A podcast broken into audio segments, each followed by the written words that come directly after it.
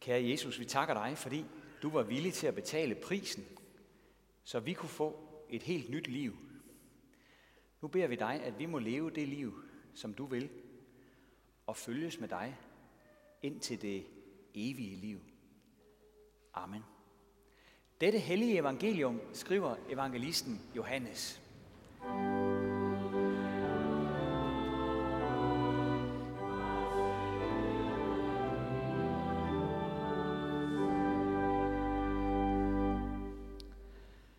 Jesus svarede disciplene, timen er kommet, da menneskesønnen skal herliggøres.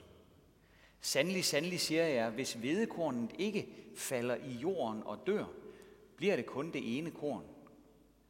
Men hvis det dør, bærer det mange folk. Den, der elsker sit liv, mister det, og den, der hader sit liv i denne verden, skal bevare det til evigt liv. Den, der tjener mig, skal følge mig, og hvor jeg er, der skal også min tjener være. Den, der tjener mig, ham skal faderen ære. Nu er min sjæl i oprør, og hvad skal jeg sige? Far, frels mig fra denne time. Nej, det er derfor, jeg er nået til denne time. Far, herliggør dit navn. Der lød der en røst fra himlen. Jeg har herliggjort det, og jeg vil af dig herliggøre det. Folkeskaren, som stod der og hørte det, sagde, at det var torden. Andre sagde, en engel talte til ham. Jesus sagde til dem, den røst lød ikke for min skyld, men for jeres skyld. Nu fældes der dom over denne verden. Nu skal denne verdens fyrste jages ud. Og når jeg er blevet ophøjet fra jorden, vil jeg drage alle til mig. Det sagde han og betegnede dermed, hvordan han skulle dø. Amen.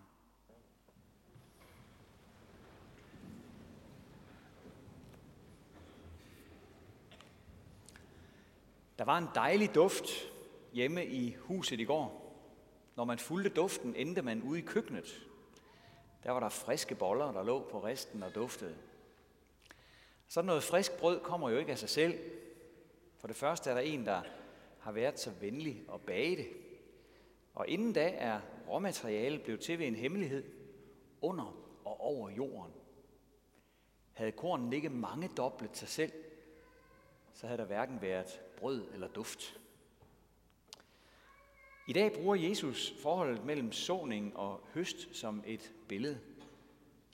Det sker lige efter, at han har gjort sit indtog i Jerusalem. Han har været offentlig kendt et par år. Han har helbredt syge, taget byrder af menneskers skuldre og gjort døde levende. Og nu står han ligesom på toppen af sin berømmelse.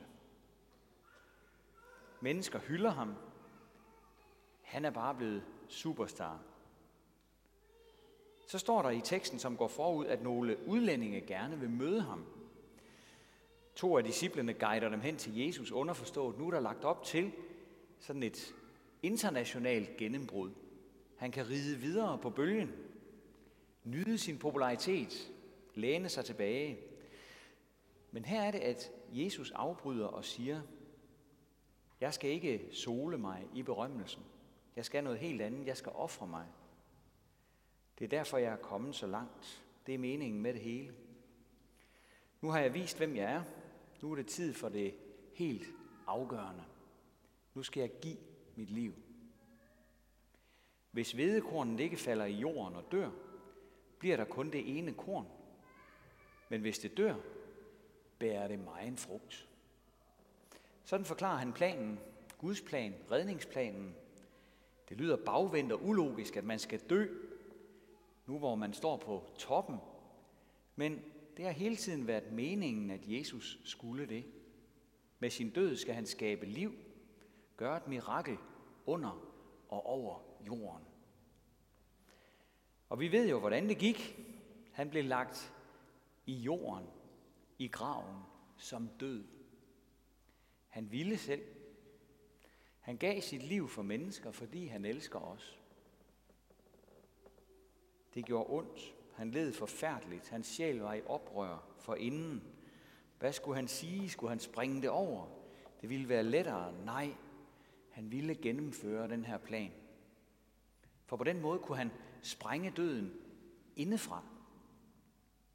Han ville lade den vinde første runde døden. Og så ville han knække den fuldstændig i anden runde. Via graven skulle han ophøjes til pladsen ved Gud Faders højre hånd, og det han havde gjort skulle bære frugt. Han skulle frelse millioner fra død og fortabelse. Hans kors skulle blive et elsket tegn, et tegn at samles omkring, et sejrens tegn. Golgata skulle blive det virkelige tempelbjerg. Han skulle indvarsle et nyt, en ny himmel og en ny jord. Han skulle føre et folk derhen. Et folk, der er så stort, at det ikke kan tælles. Alt det kom der ud af hans lidelse. Alt det kom der ud af, at han gav sit liv. Mennesker, som ellers havde haft kurs mod en evighed uden Gud, skulle få nyt liv og blive genfødt til et levende håb. Så vedekornens mirakel handler om ham og hans vej. Det er ham, der er vedekornen, det er ham, der lægges i jorden og dør, og som vokser frem og triumferer bagefter. Samtidig så er vedekornens historie også vores historie. Det er nemt at høre, for han taler om os i samme åndedrag. Den, der elsker sit liv, mister det.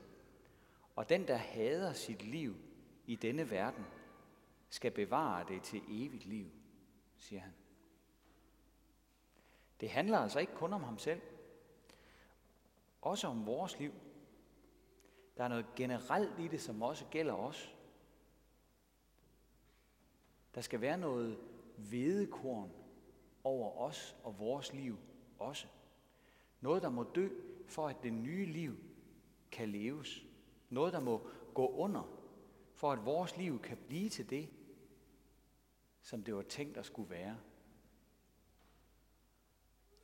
Vi skal hade vores liv i denne verden, siger Jesus. Uha. I ordbogen står der, at det på bibelsprog betyder noget lidt andet, end vi er vant til. Det betyder at sætte i anden række. Alligevel er det opsigtsvækkende og anderledes, end hvad vi ellers hører. Vi skal have et højere mål end de almindelige mål her på jorden. Vi skal prioritere livet i evigheden højere end livet her. Hvorfor det? Fordi vi som kristne er på vej mod noget meget større og meget bedre. Vi er på vej til det virkelige liv. Livet i fuld udfoldelse. Sammen med ham. Vi er på vej mod den nye himmel og den nye jord. Når vi har fællesskab med ham, så udøver han en tiltrækningskraft på os. Han drager os. Vi er ikke længere bare overgivet til tyngdekraften eller til at flyde med strømmen.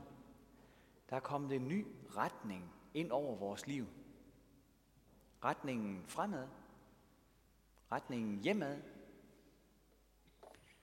Og der er der en hemmelighed i. Vedekornens hemmelighed. Vi har spist af det brød, han giver til evigt liv. Derfor lever han i os. Det er en hemmelighed, der er rig på herlighed, siger Paulus. Kristus i jer, herlighedens håb. Han bor med andre ord i os. Derfor lever vi ikke længere bare for os selv. At leve, det er Kristus, og døden er en vinding, en gevinst. Hvorfor det? Jo, fordi vi har lært hvedekornens hemmelighed at kende. Ham, der selv gav slip og gav sig hen for at kunne stå op til evigt liv, han viser, at det også er den rigtige vej for os at gå. Nu har vi haft dåb i dag, da de to tvillinger blev døbt. Og dåben, den er en demonstration af det faktisk. Der er noget, der ligesom må gå under i vandet, for at et nyt liv kan begynde bagefter. Paulus siger det sådan i Romerbrevet kapitel 6. Ved I ikke, at alle vi, som er blevet døbt til Kristus Jesus, er døbt til hans død? Vi bliver altså begravet sammen med ham ved dåben til døden, for at også vi, sådan som Kristus blev oprejst fra de døde ved faderens herlighed, skal leve et nyt liv. For at vi vokset sammen med ham ved en død, der ligner hans, skal vi også være det ved en opstandelse, der ligner hans. Og så fortsætter han, vi ved, at vort gamle menneske er blevet korsfæstet sammen med ham, for at det læme, som ligger under for synden, skulle til intet gøres, så vi ikke mere er trælle for synden. Det er sandheden om den kristnes liv her i verden. Fordi vi har fået del i vedekornens hemmelighed, så er der noget i os, som må korsfæstes. Det er det gamle menneske, det er skyggesiden, som vi har med os til stadighed. Det er den side af os, som ønsker bare at læne sig tilbage og flyde med strømmen, og som er til de billige løsninger. Egoisten, der ikke vil ofre sig for nogen, vores dogne ego, som vil læne sig op af andres bekræftelse, populariteten. Den side af os, der holder på sit eget og ikke vil gå hvedekornens vej. Vi har den side i os, og det må vi tage alvorligt. For hvis vi lader den tage styringen, så redder vi nok en del, hvad malighed og popularitet angår. Men vi smider det evige liv væk, som vi fik, da vi blev døbt. Hvordan kan vi så gå Guds vej, når vi på samme tid har både Kristus i os og vores eget mørke i os? Hvad kan vi gøre, når vores situation er så indviklet? Jamen, vi kan gøre det, som han siger. Være ærlige over for ham om vores mørke side. Bekende den mørke side over for ham. Sæt ord på, hvad den ødelægger. Og bed ham om at tilgive os. Så vil han give os tilgivelse. Og så vil han også arbejde med os. Vi er jo ikke alene. Han bor jo også i os. Hver gang vi bekender vores synder, er der, som om der er noget i os, der dør. Men det er den anden side af vedkornens hemmelighed. Noget må dø, for at vi kan leve det nye liv. Ny Testamente siger det sådan her. Så lad da det jordiske i jer dø. Utugt, urenhed, lidenskaber og onde lyster og griskhed, for det er afgudstyrkelse. Sådan skal I se på jer selv, I er døde for synden, men levende for Gud i Kristus Jesus. I kirken der har vi et øh, redskab, der er givet os. Et redskab, som kan hjælpe os her. Og det redskab, det er skriftemålet. Stedet, hvor du får hjælp af Gud og kan læse det af, som må dø, og så få tilsagt en ny start med hånden på dit hoved. En ny begyndelse. Tavlen viskes ren, og du får hjælp til at tro det og holde fast i det. Ved at have fået det sagt konkret til dig med en hånd på dit hoved. En ny begyndelse får vi i skriftemål. Nu om lidt, der vil vi fejre nadver. Det er jo et meget, meget lille måltid, men alligevel med en ganske særlig duft over sig. En duft af liv til liv. Og vi beder i bønnen, før vi holder nadver. Giv os i tro at få del i hans fuldbragte offer til søndernes forladelse og evigt liv. Lad os, lad os bede med med hjertet. Det gør du måske hver søndag, men lad os tænke på det, særligt i dag. Det med at få del i hans fuldbragte offer til søndernes forladelse og evigt liv. Og lad os tage imod ham, der er livets brød, ham, der er vedekornet, som døde og opstod for os. Ære være faderen og sønnen og helligånden, som det var i begyndelsen, så også nu og altid og i al evighed. Amen. Og så vil vi rejse os og med apostlen tilønske hinanden. Hvor Herres Jesu Kristi nåde, Guds, vor Fars kærlighed og Helligåndens fællesskab være med os alle. Amen.